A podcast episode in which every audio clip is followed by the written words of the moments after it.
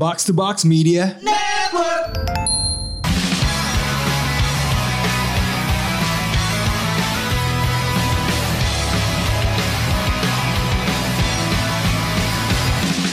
Konnichiwa. Konbanwa. Kenteru. Selamat datang kembali di satu SKS bareng PN Media, segmen dari Otaku Box, podcast Jepangan paling Faviv Was West Was di Indonesia. Hari ini kita kedatangan orang spesial ya, Bung Irlan ya. Kita orang Eh, spesial. Dari PN Media sebetulnya. Yoi. Salah satu orang yang berada di belakang layar, akhirnya dia mulai menunjukkan ke depan layar bersama kita. Dan beliau ini adalah eh, orang yang berjasa untuk terbangunnya PN sebetulnya. Iya, Kalau sangat tidak ada berjasa. kalau tidak ada dia, PN sudah pasti nggak bakal ada gitu. Betul sekali. Hari kita kedatangan Bapak Ariza, founder dari PN Media. Media. Apa kabar Pak Ariza? Halo, baik, Gimana nih Kak kabar bulan puasa? Sehat?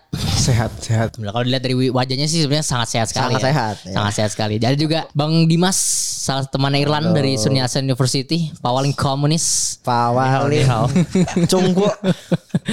Jadi hari ini kebetulan sebelum kita tag tadi kita menonton salah satu film ya dari su- uh, film anime yang cukup terkenal bahkan pernah menjadi sebuah diskursus booming gitu ya. Dan filmnya ini membuat inspirasi lah. Film-film lain tuh terinspirasi gitu. Iya, iya. Yaitu adalah film Perfect Blue dan kita kebetulan mau ngomong sutradaranya yaitu Satoshi Kon. Kalau kita kita sebelumnya eh, apa namanya ingin mengenang beliau ya karena Satoshi Kon ini kan sudah meninggal dunia karena penyakit kanker pankreas atau paru-paru kalau tidak salah. Eh, dan Satoshi Kon ini merupakan sutradara yang sangat dihormati gitu di Jepang. Eh, ketika dia meninggal dunia eh, banyak-banyak yang menyayangkan beliau mati muda gitu. Karena di umurnya yang masih belum 50 tahun, masih prime-nya gitu ya. Si muda. Iya, masih prime untuk membuat anime dan dia tuh eh, setelah dia meninggal dia mendapatkan kayak penghargaan gitu. Dia beliau disejajarkan oleh beberapa kreator-kreator eh, Jepang yang populer seperti Osamu Tezuka gitu kan. Terus juga Mamoru Oshii mendapatkan penghargaan kalau nggak salah namanya itu penghargaan Winsor McKay gitu. Berarti abang-abangan lah ya di dunia. Ya dia, dia, dia, dia termasuk abang-abangan Abang-abangan. abang-abangan kre- kreator abang-abangan gitu ya di Jepang dan film-filmnya cukup banyak dan semuanya keren semua gitu ya. Salah satunya itu Perfect Blue, eh, ada juga Paprika. Dan menariknya sebetulnya dari Satoshi Kon ini adalah dia membuat sebuah sarana yang berbeda gitu ya. Media media anime itu nggak hanya sebatas hiburan gitu. Dari dari film-filmnya tuh kita belajar terkait bagaimana dia memperlihatkan sebuah situasi yang di mana tuh realita dan fiksi itu menjadi semu gitu ya. Mungkin karena tahun 90-an itu masih hangat-hangatnya diskursus postmodern gitu ya. Terutama kalau kita ngomongin simulacra and simulation aja Jane Baudrillard bagaimana dunia dunia itu saat ini udah menjadi hyper realitas gitu ya. Di mana Sudah sulit keadaan membedakan mana realitas mana yang Ya, di mana keadaan teknologi informasi yang semakin kencang, manusia bisa bergantung pada teknologi akhirnya karena keterkaitan itu, apa yang ditampilkan di dunia yang ilusi itu bisa memengaruhi di dunia nyata gitu. Jadi film-filmnya tuh kalau kita ngeliat dari Perfect Blue atau Paprika gitu ya, keduanya hampir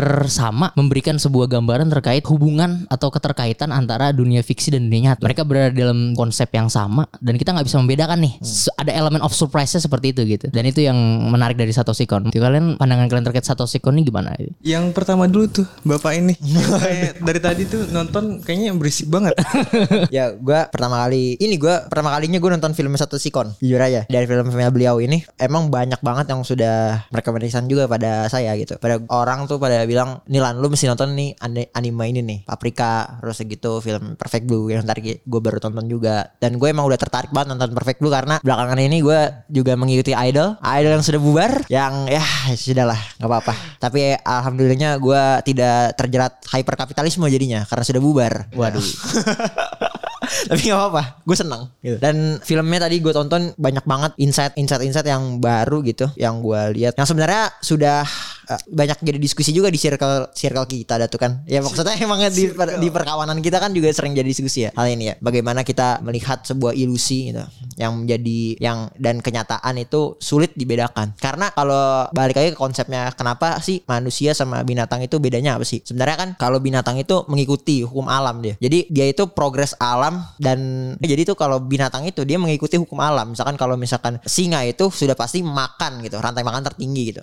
Dan rusa itu sudah pasti dimakan sama singa gitu. Nggak bisa rusa berpikir untuk bagaimana cara mengalahkan singa gitu. Itu udah hukum alam. Dan kalau manusia itu bisa melakukan sebaliknya gitu. Walaupun kita kelas mediocre gitu. Kalau di apa sih namanya sapiens ya. Kalau Karija nih baca sapiens ini. Iya. manusia itu kelas mediocre gitu. Kalau zaman dulu kita udah pasti tarung sama apa makhluk apa pun kalah kita. Karena kita nggak punya apa-apa. Tapi kita punya apa? Dunia ide dunia kons- konsep di situ. Ya. Dan itu yang membatalkan realitas. Manusia itu punya keahlian itu. Nah, makanya muncul teori simulakra, simulakra ini nggak mengherankan. Emang karena keniscayaannya manusia seperti itu. Dia mempunyai konsep idea gitu yang bisa membatalkan realitas. Kayak kemarin yang gua ngomong masalah film Kodaka ya kan. Makoto Shinkai. Makoto Shinkai. Maka manusia itu karena terlalu berpersepsi dia bisa membatalkan realitas gitu. Dan itu kayak emang keahlian kita gitu kan. Ya. Karena kita punya dunia konsep itu. Nah, Ya. Kalau gue sih dari lebih ke apa namanya ke sinematografinya aja sih mendingan. Kayak ih gila semiotikanya gila banget sih. mantap sih. Transisinya parah banget kan? Asli. Parah, parah, banget. Dari mukanya ap- apalagi repetisi-repetisi yang kayak misalnya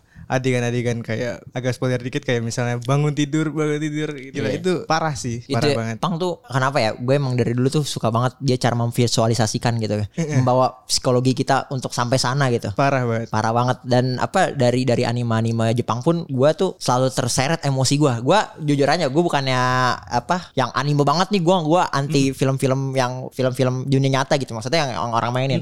Gue masih kecil ada pikiran kayak gitu dulu. Karena emang bener-bener emosi gue tuh kebawa kalau nonton anime. Iya, iya. Secara- dari, dari segi cerita dan visual gitu. Gue tuh selalu ngeliat anime kok aduh ya gue ngeliat konsep eh, misalnya konsep persahabatan tuh di film-film anime. Itu gue tuh selalu terbawa emosi gue karena itu apa pameran visualnya atau apa dari ceritanya. Ah, gitu sih. Tapi dia eh, mungkin terkait sinematografi dari satu sikon gitu ya kan. Satu sikon ini kan beberapa kali dalam beberapa kesempatan film-film adegan-adegan yang ada dalam film satu sikon itu eh, meng- menginspirasi film-film lain gitu kan. iya bener-bener Seperti misalkan eh, Black Swan. Black Swan dan Inception ada sih yang mirip dari Paprika. Cuman cuman saudaranya siapa? Nolan ya. Nolan Nolan, Nolan itu menolak katanya kalau dia tuh sebetulnya terinspirasi dari Perfect Blue. Sebetulnya dia itu katanya dia menolak kalau itu terinspirasi dari film-film lain gitu. Tapi kalau menurut lu sinematografi yang disampaikan oleh Satoshi Kon dalam film-filmnya gitu ya. Itu cara dia menginterpretasikan sinematografi itu seperti apa sih kalau lu melihatnya? Dia kayak ini sih, lu tau gak sih kayak misal al- alurnya dia tuh mirip kayak Nolan sebenarnya, kayak lengkap lengkap lengkap lengkap gitu loh. Hmm. Kalau dari segi